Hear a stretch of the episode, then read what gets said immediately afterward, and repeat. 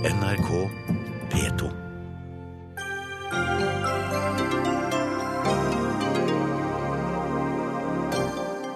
Regjeringen foreslår kutt i velferdsordningene for å få asylsøkere ut i arbeid.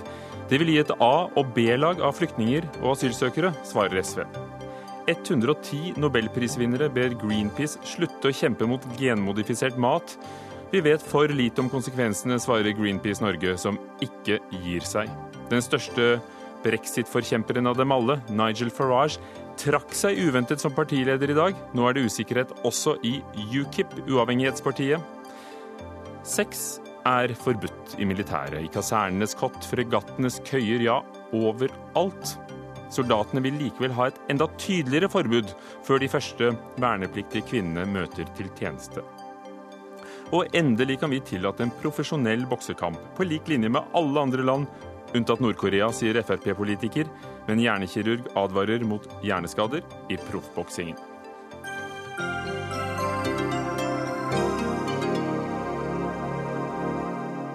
Velkommen til Dagsnytt 18 i NRK2 og P2, i dag med Ugo Fermariello i studio. Færre særrettigheter, økt krav om botid før trygd og mer kontroll og behovsprøving. Det er eh, noen av regjeringens forslag til endringer i velferdsordningene for asylsøkere og flyktninger. Økningen i antall asylsøkere som kommer til Norge, krever endringer i velferdssystemet. Det mener altså regjeringen. Og nå skal de raskere ut i jobb. Anniken Hauglie, arbeids- og sosialminister fra Høyre. Hvorfor vil dere ha endringer?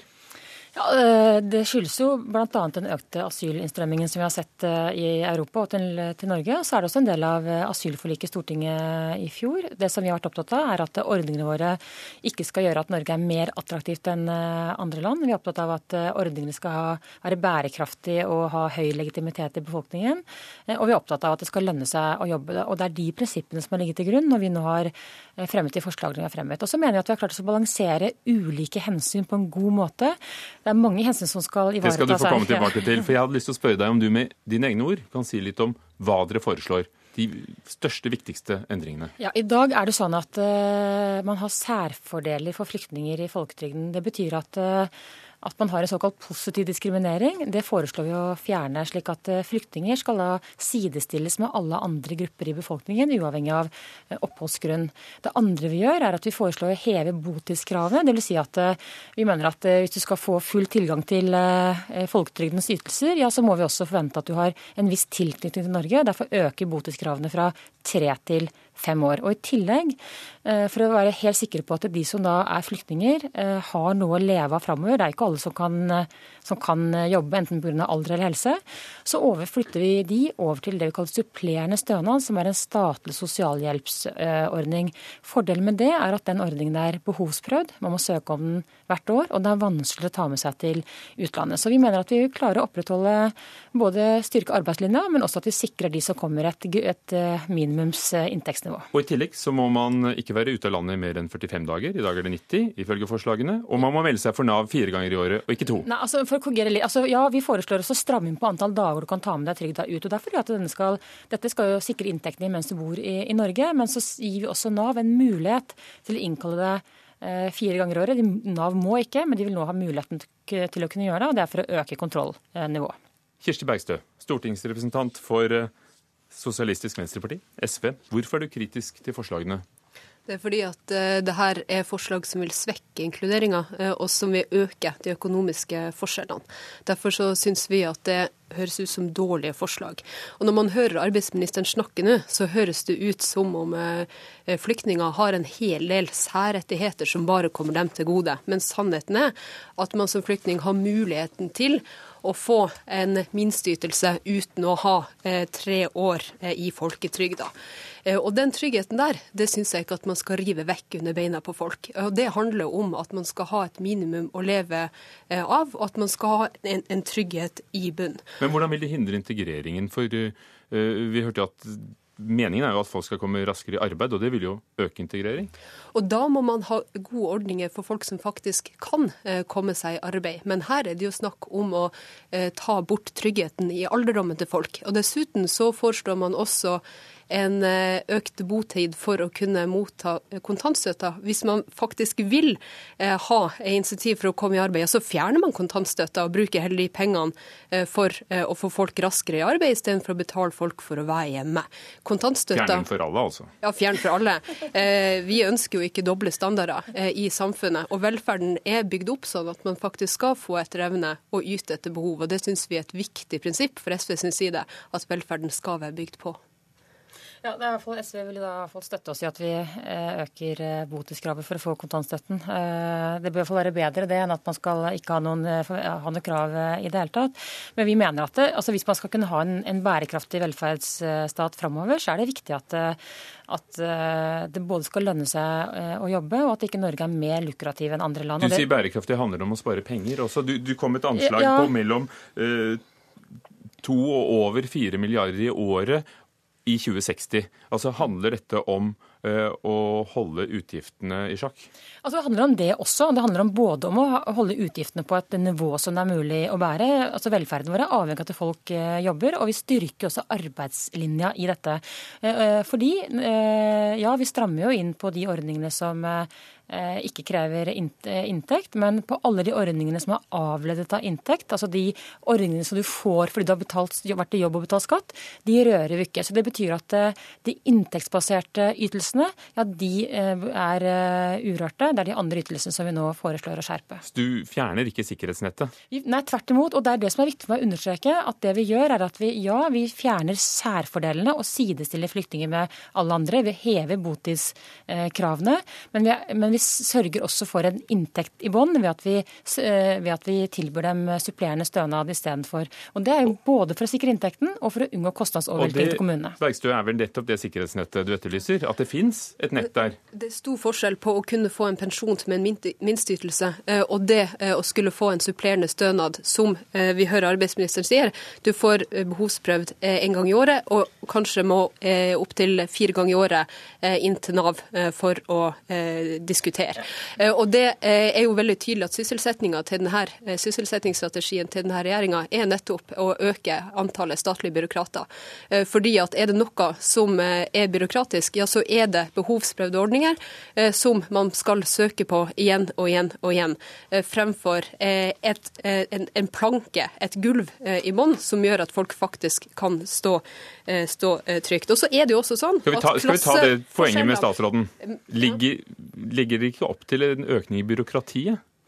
Altså, vi ser at altså, Summen av det vi foreslår medfører en betydelig kostnadsreduksjon etter hvert. Men jeg syns det er veldig rart at det skal, at det skal være så oppsiktsvekkende at vi ønsker å sidestille eh, flyktninger med andre grupper. Det være seg personer som er her på humanitært grunnlag, personer som er her på familiegjenforening, eller nordmenn som har bodd i utlandet i mange år og ikke har rettigheter, men så, så kommer tilbake igjen. Så jeg syns det er ganske rimelig at man sidestiller de gruppene, samtidig som vi da sørger for et, eh, et sikkerhetsnett. Men, men, det vi ikke snakker om her, er jo at det viktigste tiltaket vi kan gjøre for å få folk ut i fattigdom, det er jo å sørge sørge for at folk er eh, i jobb, at man får norskopplæring, blir kvalifisert og får prøve seg ute i arbeidslivet. Og, og målet der er det vel ingen tvil om at dere er enig i? Ja, han snakker jo bare om, snakker bare om trygdene, og jeg mener at det er viktig. Altså det å støtte opp om eh, arbeidslinja, sørge for at det er det som skal lønne seg mest, ja, det er det viktigste fattigdomsforebyggende tiltaket vi har. Og, for, og jeg tenker også at mange av de som kommer til Norge nå, dette er jo ressurssterke mennesker som har, som har eh, hatt en lang ferd til Norge. Det er oppegående mennesker med mye guts. Og det er klart og, at det da, de ønsker, er jobbe. Tar vi det poenget. Bergstø, er det, er det ikke på tide? Fordi de som kommer pga. familiegjenforening eller humanitært grunnlag, de har ikke fått disse rettighetene. Så hvorfor ikke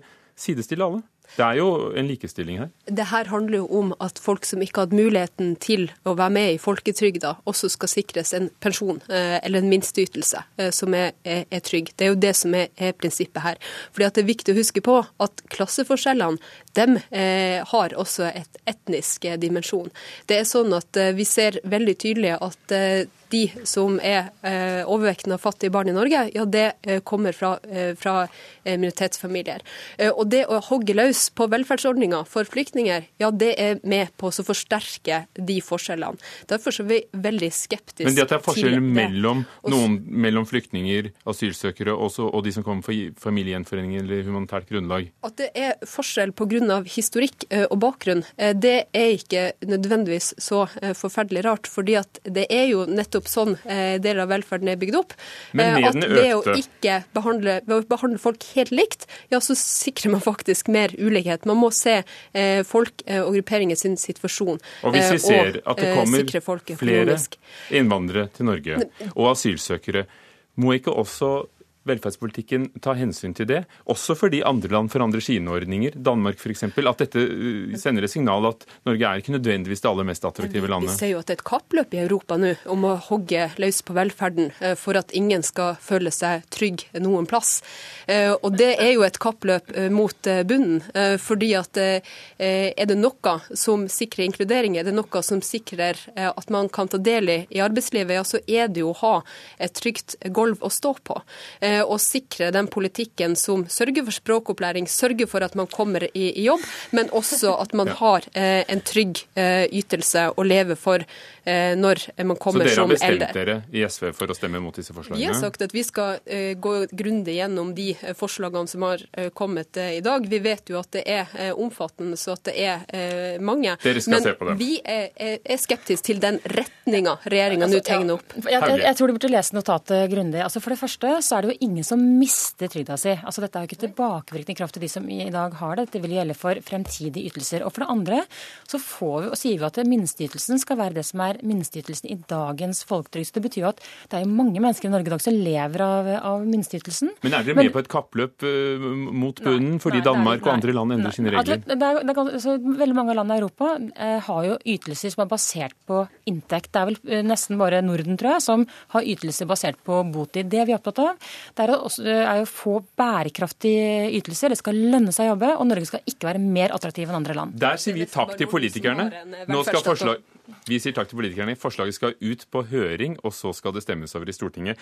Anne Britt Juve, forskningssjef i Fafo, tidligere medlem av Brochmann-utvalget, som nettopp så på konsekvensene av innvandring. Vil de endringene som er foreslått i dag, som du leser det, få, øh, få flere i arbeid? Det er jeg litt i tvil om. Jeg tror kanskje vi får noen flere i arbeid. Jeg tror kanskje av de tre eh, overordnede målsetningene som statsråden peker på, altså å skape rettferdige ordninger og, og øke arbeidsinsentivene, og, og unngå at eh, Norge skal være mer attraktivt som asylland, så tror jeg de scorer desidert best på rettferdighetsprinsippet. For jeg tror mange i den norske befolkningen opplever det som rettferdig at det skal være de samme rettighetene for alle. Så kan vi diskutere hva som egentlig er samme rettigheter. fordi eh, de som er født i Norge og som har bodd der hele livet, vil jo da ha andre rettigheter enn de som kommer som, eh, som flyktninger. Men jeg tror at det, det er et, et prinsipp, så altså rettferdighetsprinsippet er viktig for folk. Og, og det at ordningene oppleves som, som rettferdige, det kan øke legitimiteten til velferdssystemet generelt sett. Hva, hva ser ut som mulige konsek negative konsekvenser? Det er noen eh, mulige negative konsekvenser knyttet til at noen faktisk blir fattigere. At det er noen barnefamilier som kanskje ikke vil få eh, samme inntektsgrunnlag som tidligere. Eh, arbeidsinsentivene er jeg litt i tvil om de faktisk vil øke. fordi de ordningene som det er snakk om her, det er jo hovedsak alderspensjonen, og så er det uføretrygden, og så er det grunn- og hjelpestønad, eh, og så er det støtte til enslige forsørgere. Og kanskje med unntak av støtten til enslige forsørgere, så gjelder jo dette, eh, dette er ordninger for folk som er eh, uføre og syke.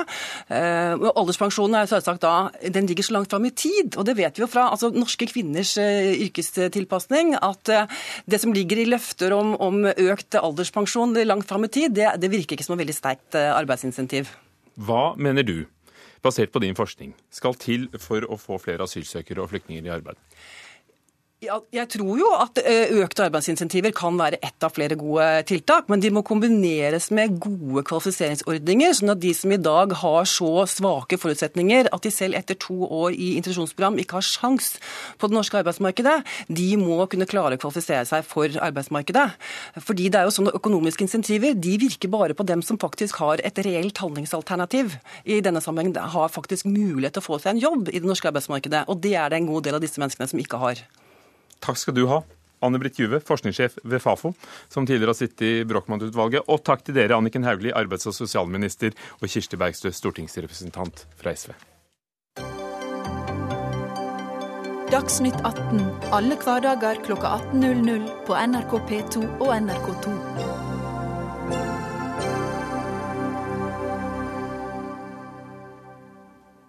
Dødstallene fortsetter å stige etter terrorangrepet i Bagdad natt til søndag. Ifølge noen kilder er minst 213 drept, andre som BBC sier 165.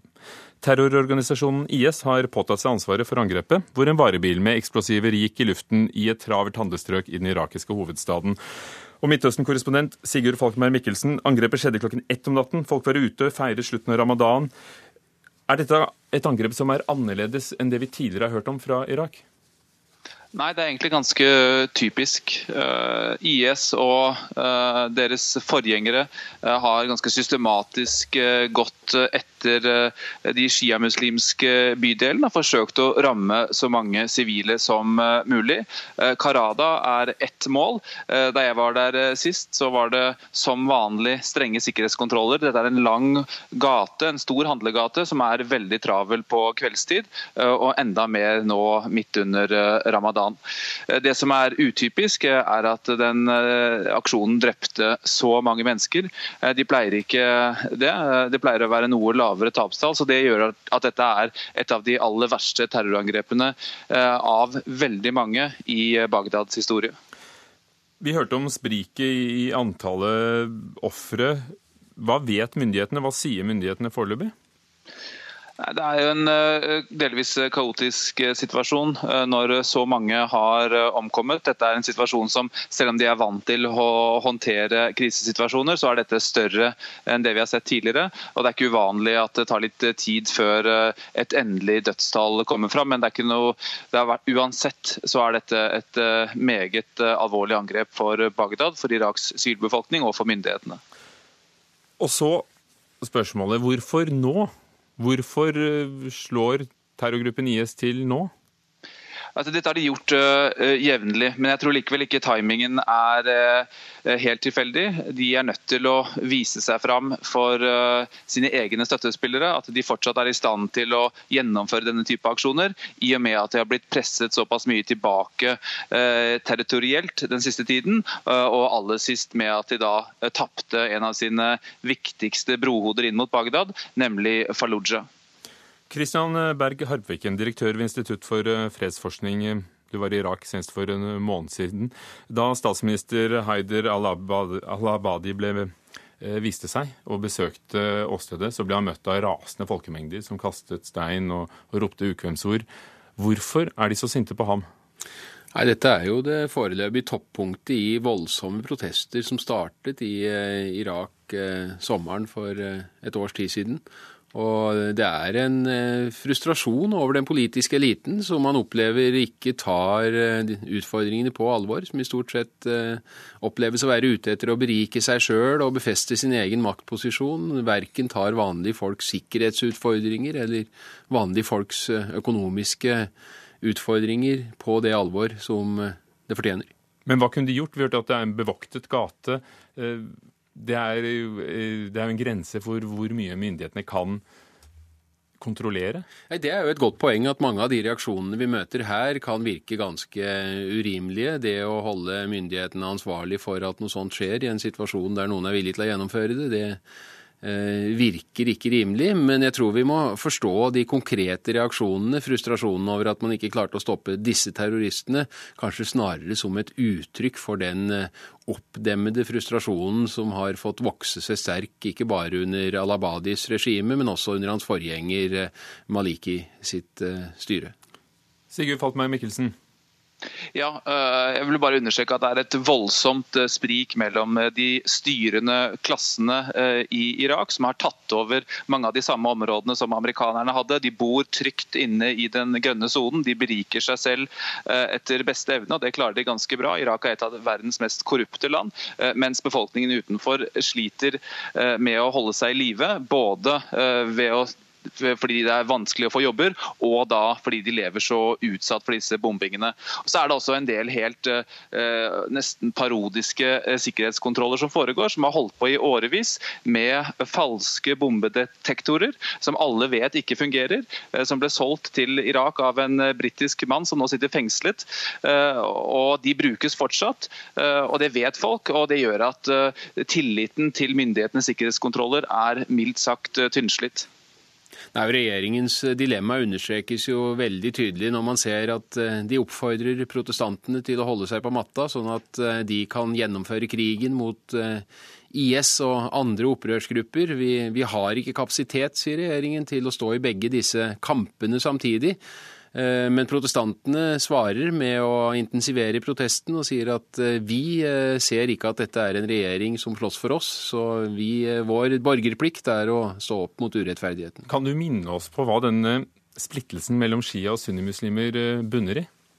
Ja, Dette er jo selvfølgelig en årtusen år gammel, eller 1500 år gammel konflikt i hvert fall. Men i dag så handler jo dette i veldig stor grad om identitet. I Irak så instrumentaliserte jo Saddam Hussein sunni-identiteten for egne formål. Brukte det på mange måter som sin egen maktbase. Opposisjonen var delt i to, den kurdiske opposisjonen, og du hadde den shia-muslimske opposisjonen. Shia-muslimske opposisjonen nært assosiert med nabolandet Iran, som eh, på ingen måte vegrer seg for å blande seg inn i konflikten i Irak. Og så har vi nå fått eh, tilbakeslaget, ikke sant. Eh, Saddam Hussein med sin klare helling mot det sunni-islamske, uten på noen måte å være islamist. I dag så har vi da motreaksjonen med sjiamuslimene som sitter ved makta, og sunnimuslimene som føler seg fullstendig eh, fremmedgjort tilsidesatt. Så det handler om makt, for både sjiaer og sunnier blir jo drept i, det, i denne aksjonen fra IS sin side? Ja, og det er jo interessant å høre en god del av reaksjonene vi har fått fra Irak eh, nå etter dette store angrepet, hvor mange, både kommentatorer og den vanlige mann og kvinne i gata sier at uh, her ser vi jo at vi alle er uh, ofre.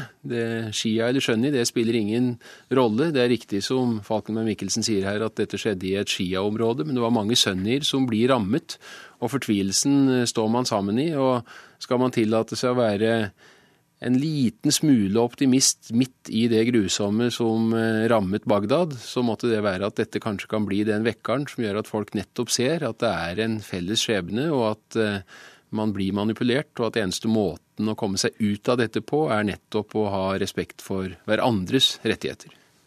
Sigurd, vil du tillate deg å være en liten smule optimist? Kan det være en konsekvens som du også ser det?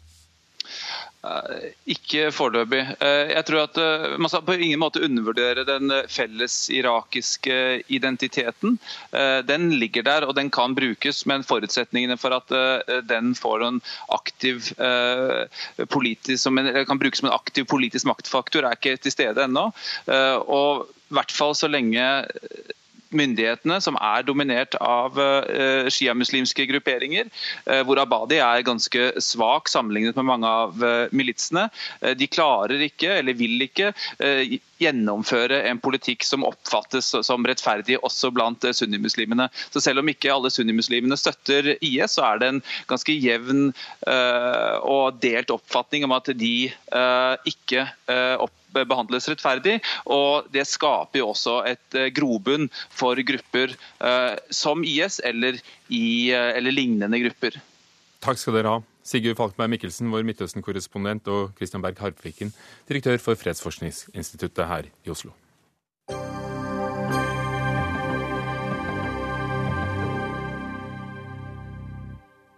110 nobelprisvinnere har skrevet under på en kampanje som ber Greenpeace oppgi sin motstand mot genmodifiserte organismer, GMO.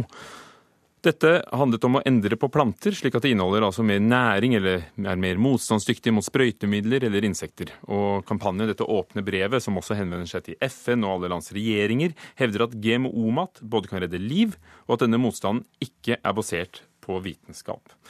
Truls Gullåsen, 110 eh, av verdens fremste, verdens fremste forskere mot dere. Hvilket inntrykk gjør det? Det er klart at det gjør inntrykk når eh, masse nobelprisvinnere eh, sender brev. Samtidig når vi begynner å se på brevet, så er det jo nettopp det som du sier. Det er, det er et resultat av en kampanje fra noen personer og miljøer som ønsker å gjøre alt de kan for å svekke motstanden mot genmanipulerte organismer. Du leder jo Greenpeace. De driver en kampanje basert på sin forskning. Dere driver en kampanje basert på, på hva? Er det tro og, og, og, følelser som disse hevder i brevet? Dette her er uh, Motstanden og skepsisen mot uh, omfattende bruk av genmanipulering og slippe, å slippe sånne organismer ut på, i fri natur, er basert på føre-var-prinsippet. Man vet ikke hvilke konsekvenser det kan få. Samtidig er det veldig viktig å understreke at det hovedfokus i dette oppropet fra forskerne, det er såkalt gyllenris, som jo er et produkt som genbransjen har snakket om i over 20 år, men som ikke er klart for markedet. Så det er ikke Greenpeace sin skyld at dette ikke er omfattende bruk det er det at produktet faktisk ikke fungerer. Og det er jo greit å ha med seg når, når forskerne velger å underskrive et eh, sånt opprop. Hildegunn Oppsal Sorteberg, professor i molekylær genetikk ved Norges miljø- og biovitenskapelige universitet, og leder også for GMO-panelet i Vitenskapskomiteen for mattrygghet. Støtter du denne kampanjen eh, mot Greenpeace og mot de som eh, er motstandere av bl.a. Golden Rice, gylden ris? Jeg støtter det generelle innholdet i brevet, i den forstand at en del organisasjoner går ukritisk imot all genmodifisering, uansett produkt og uansett alternativ. Og det at man på en måte lytter til vitenskapen når det gjelder eh, medisin, men ikke innenfor utvikling i landbruket, er trist. I og med at vi gjør en grundig risikovurdeling både for miljø og helse for hver eneste GMO-søknad. For det er altså sånn, hvis jeg har forstått det riktig, at i Europa og, og, Norge så er vi veldig restriktive for hva som kan plantes og også forskes på, mens i USA er det langt friere. Eh, og, og her hevdes det at denne gylne risen, som da er beriket med vitamin A, vil kunne hjelpe mange fattige i utviklingsland, både mot sykdom og sult. Eh, hva er fordelene? Fordelen er at eh, i den generasjon to gyllen ris, så har de tatt gener som fins i de grønne plantedelene, og fått aktive i frø. Så de kommer fra ris og fra mais.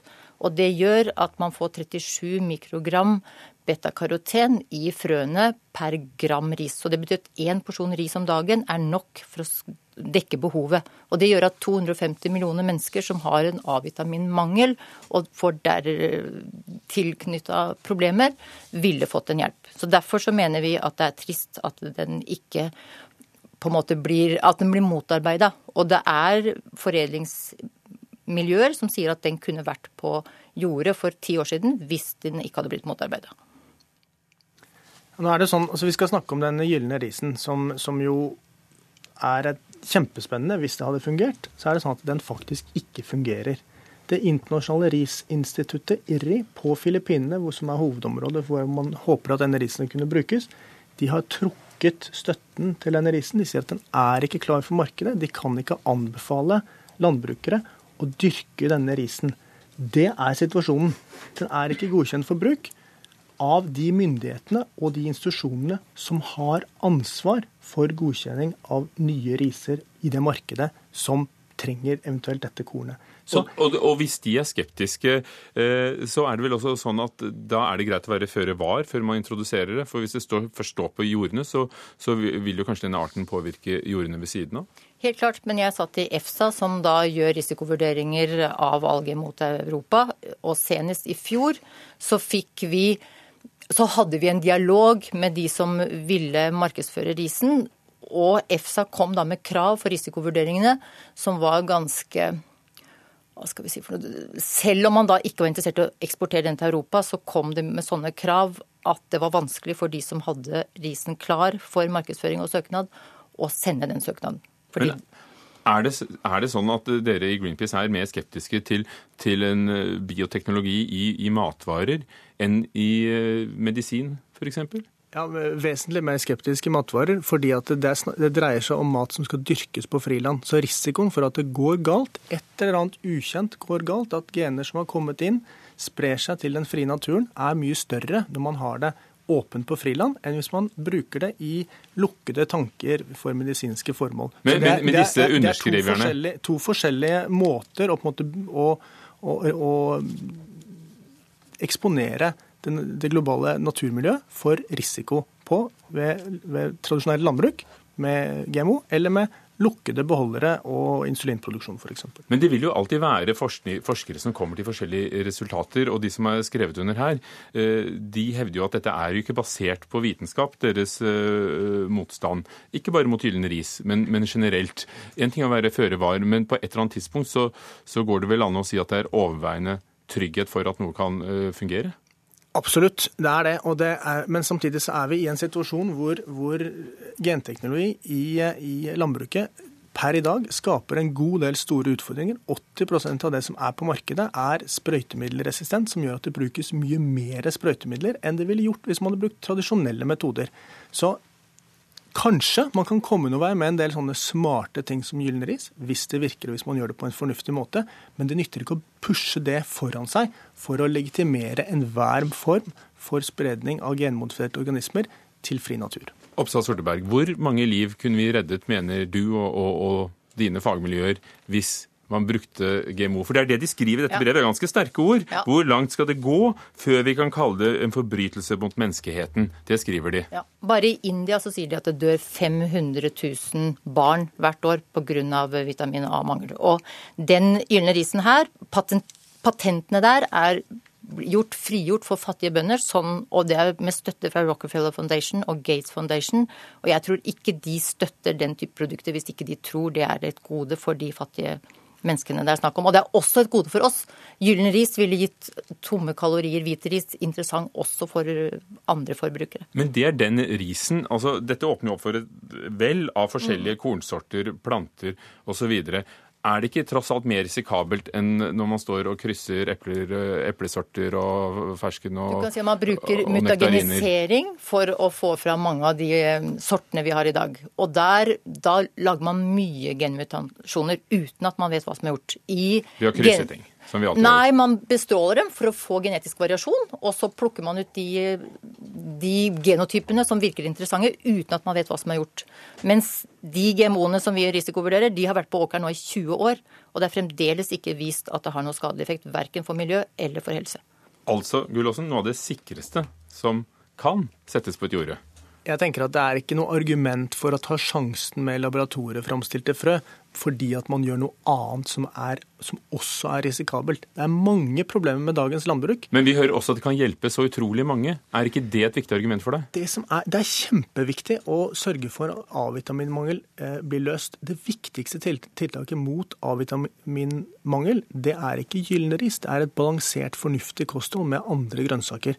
Fattigdommen skaper dette problemet. Det er de fattiges virkelig store sykdom. Og spørsmålet om man skal løse det med en slags form for quick fix med å putte noen gener inn i en ris som ikke hører hjemme der, det er noe vi er skeptiske til. Og så ser vi da at dette er et produkt som ikke finnes på markedet, som Det internasjonale risinstituttet ikke anbefaler at skal dyrkes, og ikke anbefaler at skal få lisens. Og Da kan forskerne si at det burde vært der, men det er ikke der. Og jeg er Siste. stolt over at vi klarer å holde oppe en massiv testing av disse her produktene. For hvis det går galt, ord. så kan det gå virkelig galt. Tar dette RIS-instituttet feil? Vi har andre referanser fra det RIS-instituttet som ikke sier at den ikke er ønska på markedet, så, så, det tror jeg er feil sitering. Takk skal dere ha. Hildegunn Oppsal Sorteberg, professor ved Norges miljø- og biovitenskapelige universitet, og Truls Gullåsen, leder for Greenpeace Norge.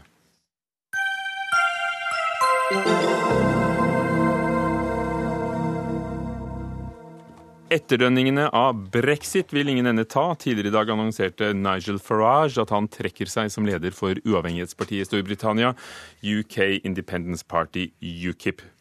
Knappe to uker etter at han innkasserte seieren, at Storbritannia altså skal forlate EU. I came into politics from business because I believed that this nation should be self-governing. I have never been, and I've never wanted to be, a career politician. My aim in being in politics was to get Britain out of the European Union. And so I feel it's right that I should now stand aside as leader of UKIP.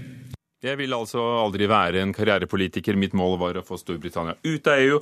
Derfor er det riktig nå at jeg trer til side som leder for partiet, sa Nigel Farage tidligere i dag, som altså fortsetter som medlem av Europaparlamentet og medlem av sitt eget eh, parti. John Todd, forsker ved Institutt for kriminologi ved Universitetet i Oslo. Farage har trukket seg som partileder et par ganger før, og så blitt oversatt, overtalt eh, til å fortsette av andre i partiet. Er det annerledes denne gangen, tror du? Jeg tror det. Uh, I kort løp i det minste, ja. Jeg tror uh, han vil ta seg en pause og gjøre noe Ja, ta en liten mindre rolle i partiet.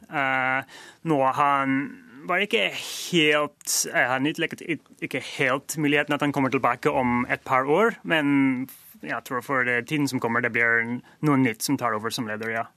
Kristine Solli, du skriver doktorgraden ved universitetet i Cardiff i Wales om EU-skepsisen i Storbritannia. Og Farage er jo virkelig en av forkjemperne for at Storbritannia skal gå ut. Hvorfor nå? Det virker jo så pussig når han fikk viljen sin i folket. Ja, Det første som Farage sjøl sier, det er jo at han nå har oppnådd alt han ville oppnå, og at det derfor er riktig tidspunkt å gå av som leder på. Eh, men jeg mener også at det er to andre faktorer som kanskje bidrar til at han nå trekker seg som leder. Det ene er at det, det, blir en utfordring å holde valgløftene som de har gitt. Eh, de har jo allerede sagt at det må bruke 350 millioner eh, pund i NHS hver dag ikke blir mulig. Og Det samme gjelder nok også fri bevegelse, hvis man da skal få tilgang til det indre marked. Det andre er jo det med konkurranse. Aaron Banks, som tidligere har gått inn og finansiert UKIP med veldig store summer, har nå sagt at han ønsker å, å backe et nytt parti finansielt. Eh, og at det da eh, blir en utfordring for UKIP. Så det, så, så, så det kan komme en splittelse? Det kan komme et nytt parti ut av dette her? Eh, ja, som det ser ut, det som er blitt sagt, er at det, det ønsket om å opprette et nytt parti på høyresiden i politikken, som skal være en konkurrent til UKIP, og etter hvert ta over for UKIP. Todd, hva tror du kan det være det at uh, han uh, innser at det kan være vanskelig å holde hva han lovet?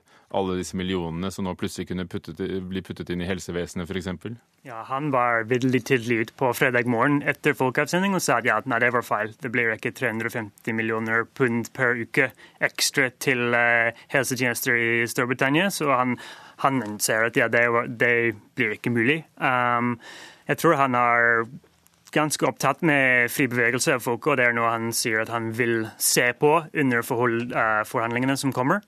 Altså Han vil ikke ha fri bevegelse nei. av folk, men han vil vel gjerne ha fri bevegelse av briter på kontinentet? Mm. Ja, det... og da blir det jo vanskelig. Ja, det, absolutt. For jeg, Senest i dag så, så vi EU-ledere som sier at det er ikke sikkert han kan forvente seg. Nei, og det har vært en debatt i uh, Underhuset uh, i dag om det, og regjeringen tar standpunkt at de kan ikke si noe om fremtiden for EU-statsborgere i Storbritannia og hva skal skje. Så ja, det er veldig åpent spørsmål, og det blir mye debatt om det og, ja, over tiden som kommer. Kristine Solli, elleve dager siden han jublet altså over resultatet. Du antyder at han er engstelig for konsekvensene politisk, men, men tror du at de risikerer å oppfatte ham som feig? Jeg tror nok at folk både på ja-sida og nei-sida kanskje har antyda at det er fake av han å gå av nå. Fordi han mener sjøl at jobben er gjort, mens enkelte mener at jobben langt ifra er gjort. Nå starter forhandlingene, og det blir viktig å være med og, og presse sånn at man får Eh, det alternativet som nei-sida ønsker. Men UKIP-ere er generelt veldig positive til Farage og har vært veldig lojale mot han. Og jeg tror nok at en stor gruppe av hans velgere vil akseptere ønsket hans om å gå av som leder. Ja, absolutt. Uh, og jeg tror det, spørs litt veldig på manns perspektiv på resultatet. Uh, så for de som var um, Remain, på Remain-siden. De vil si at ja, han førte til alt dette her, og så trekker han seg og må ikke håndtere konsekvensene. Så det, de tenker det om han og om Boris Johnson. Uh. Og, de som var på Remain-siden, de uh, var jo ikke med eller stemte ikke på UKIP uansett. Nei. Men, men um, hvor viktig har Farage vært for både, både oppslutningen omkring UKIP-partiet, men ikke minst for resultatet av folkeavstemningen, tror du? Ja, jeg tror han var spesielt viktig um, i å presse David Cameron frem til å ja, si at ja, OK, vi skal ha folkeavstemning uh, om dette. Um, han har også vært viktig under kampanjen òg, men jeg tror mest viktig for å faktisk oppnå er folkeavstemningen. Mm. Hva tror du, Kristine Solli, kommer Farage tilbake? Denne gangen er vi ikke her og nå, tror jeg ikke, for han har gjort det veldig klart at sist når han trakk seg i mai i fjor, så kom han jo tilbake etter to dager. Og Han har nå gått ut og sagt at denne gangen så kommer han ikke til å komme tilbake, eh, sånn som han gjorde sist. Så Kanskje på lang sikt, men, men jeg tror ikke på kort sikt at han blir leder igjen. John Todd, eh, i Labour-partiet så er det en leder som ikke vil gå av, men mange vil at han skal gå av. I hos Toryene så skal lederen gå av. Nå trekker lederen fra UKIP seg. Hvordan vil du karakterisere tilstandene i uh, politikken i ditt hjemland? Ja, det er uh, ja, veldig som spennende dager fra, fra sånn analytisk perspektiv, men uh, skumle dager fra å være britisk statsborger, fordi ja, det er utrolig mye som skjer, og mye usikkerhet. ja. Takk skal dere ha. John Todd, som er, altså er forsker ved Institutt for kriminologi og rettssosiologi ved Universitetet i Oslo, og Kristine Solli ved Universitetet i Cardiff. Hør Dagsnytt 18 når du vil. Radio NRK Radio.nrk.no.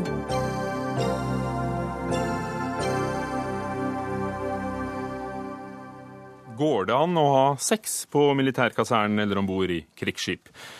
Det er forbudt etter loven om at sex ikke skal skje på offentlig sted. De første vernepliktige kvinnene møter til tjeneste i sommer, etter at Stortinget vedtok allmenn verneplikt for begge kjønn for et par år siden. Av de 4000 ferske soldatene er rundt en firedel kvinner. Og i Dagsnytt i morges krevde soldatenes tillitsvalgte klare regler om at sex er forbudt i Forsvaret. Sigurd Svendsen, landstillitsvalgt eh, i tillitsvalgtsordningen i Forsvaret. Hvorfor vil dere ha enda mer spesifisert at det er forbudt? For det står jo i loven at det skal ikke skje sex på offentlig sted. Ja, Det står i loven på angående sex på offentlig sted, men nå er det slik at eh, soldater tilbringer veldig mye tid på kasernen. Og for mange så er kasernen deres første hjem, og eh, deres andre hjem. Eh, og da kan det oppstå uklarheter om hvorvidt kasernen da er offentlig sted eller ikke. Og da, siden det både er det første og andre hjemmet, er det vel ikke så rart om det foregår litt sex, slik det visstnok uh, har gjort i uminnelige tider, og at vi ikke tar det så høytidelig? Jo, uh, men nå handler, slik, nå handler, det om at vi bor på fellesrom. Vi bor opptil seks og ti på samme rom, og da kan man ikke ha slike aktiviteter. Det er til sjenanse for de som er involvert, og de som uh, blir berørt av handlingene. Så hva er det dere etterlyser fra forsvarsledelsen? Det vi etterlyser fra forsvarsledelsen, er rett og slett klare retningslinjer i, eh, i eh, regelverket, eh, hvor det også kan være da hjemlet ved f.eks. refs. Mm. Tom Simonsen, direktør for personalavdelingen i Forsvarsstaben. Forsvarssjef Håkon Brun-Hansen kunne ikke delta her i, ettermiddag, men, men, du er her. Og, og, dere har lagt frem et dokument som heter 'Policy for relasjoner mellom personell i Forsvaret'. Siden det nå engang ikke er lov, da, Hvorfor ikke være tydeligere på det soldatene selv uh, sier er nyttig, nemlig at det står i militærloven at dette skal ikke skje? Vi uh, er vel av den oppfatning at vi har de reglene som vi trenger, og ønsker mer å, å jobbe og videreføre det kontinuerlige arbeidet vi har holdt på med gjennom noen år nå i forhold til holdninger, etikk og ledelse, og, og jobbe med holdningene til de ansatte og holdningene til også de vernepliktige. Og så ønsker vi å stimulere til gode vurderinger hos de. Eh, slik at man kan vurdere at hvis det ikke er til sjenanse, så går det godt an å, å ha, ha, seg? Nei, ikke nødvendigvis det. Men eh, som eh, Sigurd var inne på, så eh, er jo dette deres hjem. Men samtidig så er det en del offentlighet her.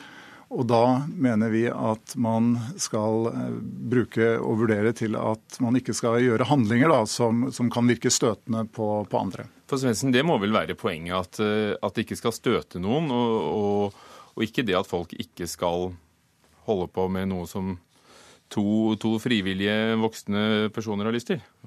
Ja, altså Vi er jo veldig enig med det forsvarsledelsen sier. Altså Vi er jo enig i intensjonen her, at det skal ikke foregå seksuelle handlinger på leir. Men det som skjer, er at eh, det i dag ikke er hjemlet i noe, klart regelverk som gjør at det for, på f.eks. ulike avdelinger kan bli eh, praktisert ulikt. En sjef vil f.eks. velge å refse dette her ved å rope opp vedkommende på appellplass foran eh, resten av troppen, mens en annen kan velge å gi refs i form av bot. Så vi mener det Og en tredje kan, kan late som han ikke så noe? For eksempel. Men hvis dette da tydeligvis skjer, eh, så er ikke problemet heller det at dette eh, refses, påtales forskjellig, eh, heller enn at det skjer? Hva sa du at? Er, er ikke problemet en forskjellsbehandling, ikke nødvendigvis at dette foregår? Hvorfor går dere ikke heller inn for at, at man på en eller annen måte sørger for at det ikke, ikke blir refset? Ja, altså Vi i Tillitsvalgtsordningen vi jobber jo også veldig mye med holdningsskapende arbeid.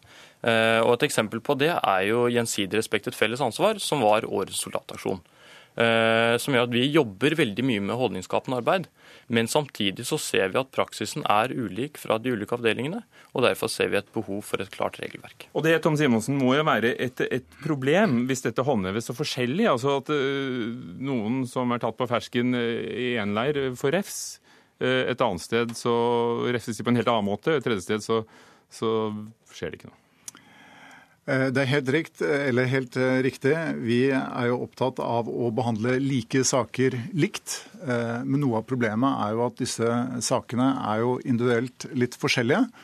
Og hvis du tar disiplinærinstituttet, så er det da opp til hver enkelt sjef om han finner det nødvendig å bruke det for å opprettholde den ro, orden og disiplinen i leiren.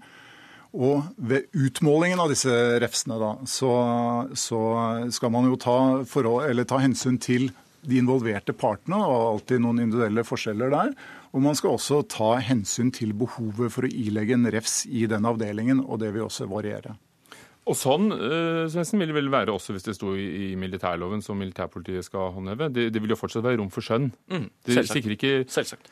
Handler dette om at dere er engstelige nå som eh, over 1000 kvinner skal inn fordi de er vernepliktige og må inn, at, at dere er engstelige for, for overgrep eller uh, annet? Nei, det har vært kvinner i Forsvaret en lang tid allerede, så kvinnelig forsvar er ikke noe som er ukjent. Nettopp, Så hvorfor tar dere det opp nå?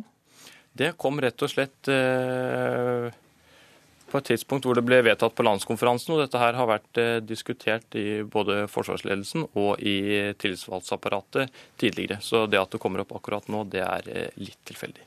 Tore Holte Follestad, du er assisterende daglig leder i, i Sex og samfunn og, og sexolog, og i Nyhetsmorgen i radioen i dag så hørte vi deg si at uh, krystallklare regler som soldatene etterlyser, det gir en falsk trygghet. Uh, på hvilken måte? Da, da er det jo ingen tvil, da vet alle hva de skal forholde seg til.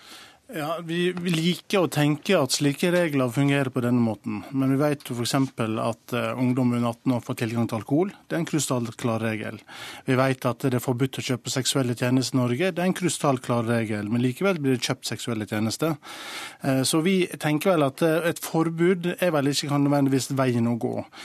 Vi priser Forsvaret og tillitsvalgteapparatet i Forsvaret for at de tar opp saken, at en diskuterer hvordan en skal forholde seg til seksualitet i Forsvaret.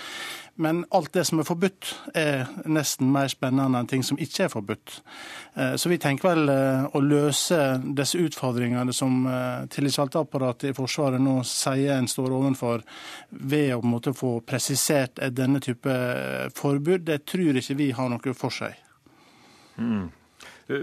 Hvordan mener du Forsvaret og soldatene skal håndtere det at så mange mennesker, nå også av begge kjønn, mm. Eh, og, og har vært det lenge, men nå blir jo kvinnene også tvunget inn dit. Mm bor så tett sammen over så lang tid? Ja, det, og så er det jo litt sånn morsomt på mange måter da, at når det, det, er første året med alminnelig verneplikt for kvinner, så blir dette en stor sak. Eh, det har vært kvinner som har eh, levd sammen med kvinner som har vært i Forsvaret i årevis. Det er menn som har sex med menn som har vært i Forsvaret i årevis. Så det er på en måte litt, litt forunderlig på en måte at dette kommer opp nå, parallelt med at kvinner får uh, også alminnelig verneplikt. Men vi tenker vel at uh, hvordan en skal relatere seg til hverandre, om det er Forsvaret eller samfunnet generelt, er temaer og eh, noe som en må jobbe med på andre måter enn å lovregulere hva som er lov og ikke lov. Det vil ikke føre til noen automatisk endring. Det vil ikke føre til at noen gjør ting på en annen måte, eller lar være å ha samleie eller andre former for seksuell aktivitet. Et forbud virker ikke på den måten. Hvis du skal ha endring i hvordan en velger å ha sex sammen, eller om en skal ha sex sammen i Forsvaret i en kaserne, så må en heller jobbe med, både på individnivå og på gruppenivå med holdninger. Hvordan vil vi ha det sammen, hvordan vi vil ha det som kollegaer, og hvordan vil ikke minst ledelsen at eh, en som medarbeider skal kunne ha det. At en er opptatt av å jobbe med å ha gode kommunikasjonslinjer, slik at det blir mulig å snakke med sin leder, f.eks.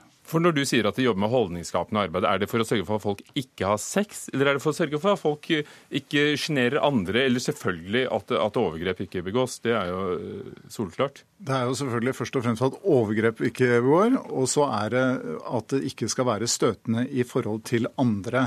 Så vi ønsker å fortsette å ha fokus på holdningsskapende arbeidet, og det ønsker vi å gjøre også sammen med tillitsvalgtordningen. Og jeg er helt sikker på at uh, regel eller ikke regel, så vil vi sammen med de tillitsvalgte til de vernepliktige greie å komme frem til gode ordninger som vi alle kan leve med. Hva tror du om det at det kanskje blir enda mer eh, pirrende å, å finnes et bøttekott hvis det faktisk blir eh, håndhevet i militærloven og MP at dette må i hvert fall ikke skje? Jeg tror ikke det vil være noe mer pirrende av den årsak. Jeg tror det er ganske klart at slike handlinger ikke skal foregå på leir. Men, men, men tror og, du virkelig at det vil holde opp? Tror du, tror du det? Fordi til, til, altså, folk er folk og har vært i uminnelige tider. Ja, men da vil det være lettere å kunne håndheve loven likt på alle leirer. Men hva slags straff skal det være hvis man er tatt eh, Skal det være forskjellig mellom mann og kvinne? Kvinne og kvinne, mann og mann? Jeg skal ikke diskutere hvilke eh, sanksjonsmuligheter eh, forsvarsledelsen skal velge å bruke, men jeg får likhet for loven er jo litt trist at vi diskuterer seksualitet eh, med straff som, inngangs... Eh, jo, men med straff som inngangsport til diskusjonen. Eh, sex og seksualitet, altså Sex er noe som bekrefter en som menneske og er på en måte en av de største drivkraftene i livet for de aller fleste. Å ha på en måte straff som utgangspunkt for å regulere hvordan en i Forsvaret skal kunne være kollegaer og medarbeidere, det tenker jeg er kanskje ikke den gode veien å gå. I, I, Sparta ble det jo dyrket som noe som skulle gi eh, soldatene samhold og kampvilje. Eh, uten at dere skal gå så langt, så virker det jo som om dere ikke er helt, eh, er helt på linje med de tillitsvalgte her. Nei, altså I det store da, så har vi et svært godt forhold med de tillitsvalgte. og Vi er stort sett enige om det aller meste. og Vi er enige om målet her, men vi er litt ulike uenige om virke... Er du ikke av sex, eller har du ikke sjenere andre? Det er først og fremst ikke å støte andre, i og med at man bor tett sammen og man er mange. Vi ønsker å rekruttere folk med, med ulik seksuell bakgrunn og legning. Vi ønsker å rekruttere med religiøs og et, ulik etnisitet. Så når man bor sammen på den måten, så ønsker vi at det ikke skal være støtende overfor andre. Takk skal dere ha, alle sammen. Tore Holte Follestad, sexolog, daglig leder i Sex og Samfunn. Tom Simonsen, direktør for personalavdelingen i Forsvarsstaben. Og Sigurd Svendsen, landstillitsvalgt i Forsvaret.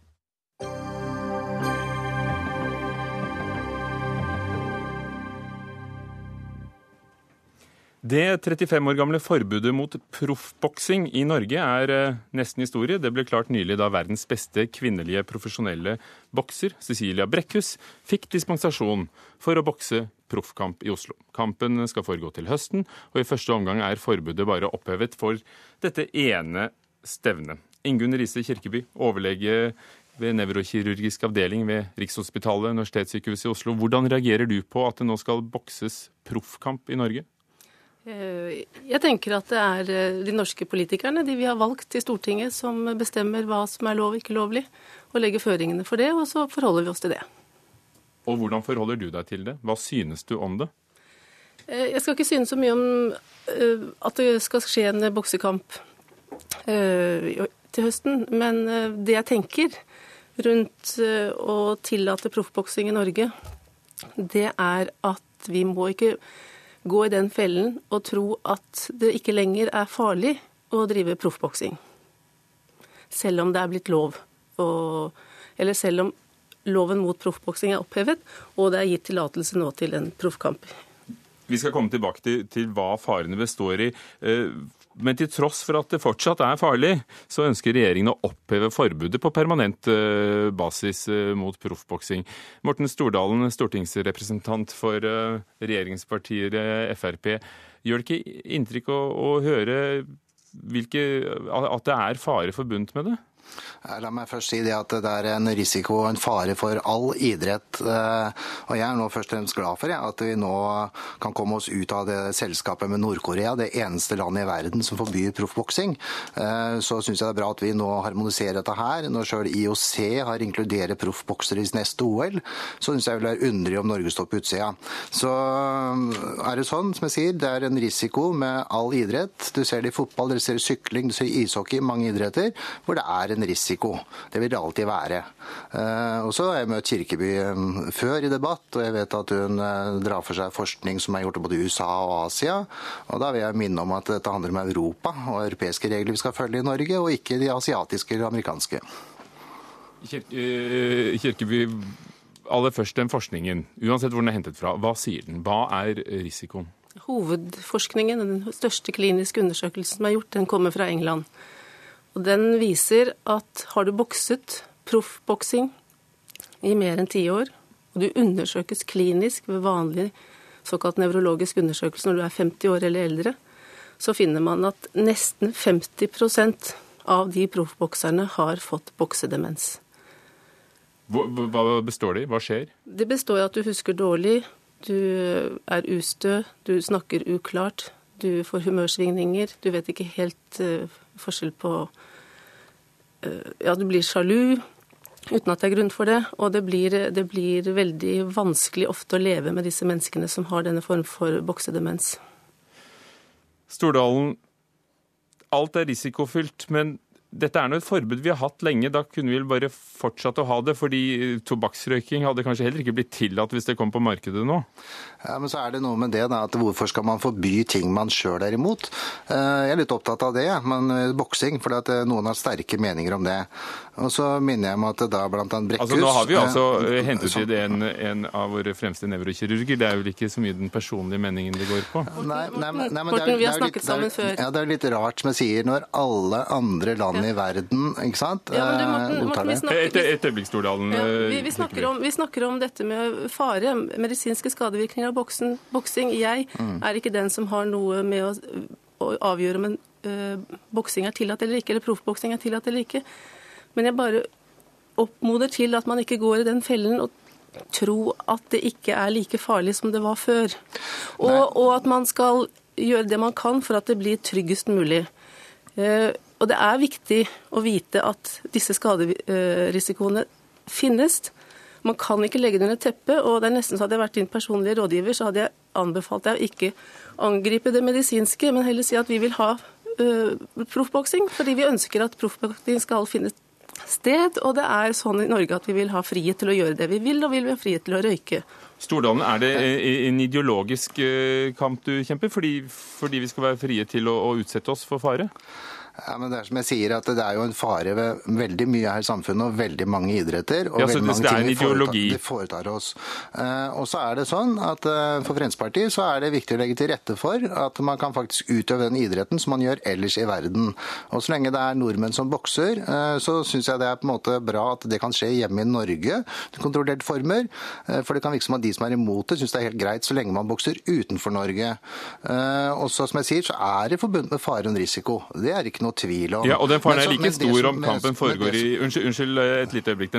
Du sitter jo i Tønsberg, eh, og vi sitter her den faren er like stor om du blir bokset mot hodet i Norge enn i USA eller Storbritannia, uansett hvor forskningen er hentet fra? Eh, nei, men vet du hva? Det er som jeg sier, det er derfor man skiller disse regelverket som man har i Asia eller USA eller Europa. Det er like Europa, farlig. Det er like ja, men, ja, ja, men akkurat ferdig. For Europa har de strengeste reglene. Og så er det sånn da, at eh, jo, det skjer skader. Der som i mange andre idretter. Og jeg har ikke hørt man har tatt til orde for et forbud av andre idretter. Det har hatt alvorlige hendelser innenfor fotballen. ikke sant? Hodeskader og sågar dødsfall. Man har uh, hatt det i sykling, man har i ishockey Men, men der er jo det uhell. Du ramler eller du, du, du snubler i fotball. Her går man jo inn for å, å slå hverandre i hodet. En knockout. Ja, og det er ingen andre Stordalen. La, la meg svare på det. Det er akkurat der det misforstås. Jeg har vært og sett boksekamper, jeg. Både i Tønsberg og sett amatører. Jeg har vært og sett uh, proffboksere. Nettopp for å se hva som skjer og hva som foregår.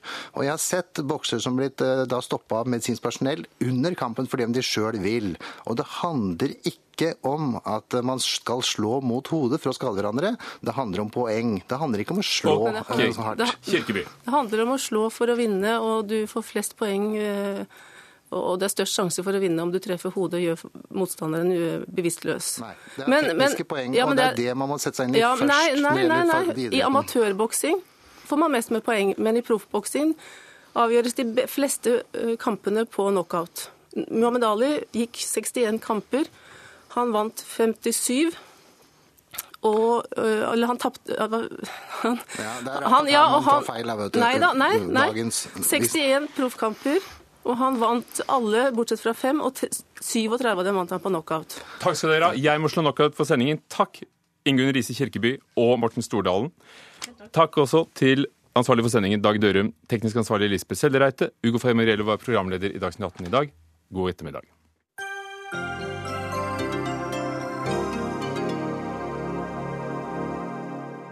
Hør flere podkaster på nrk.no podkast.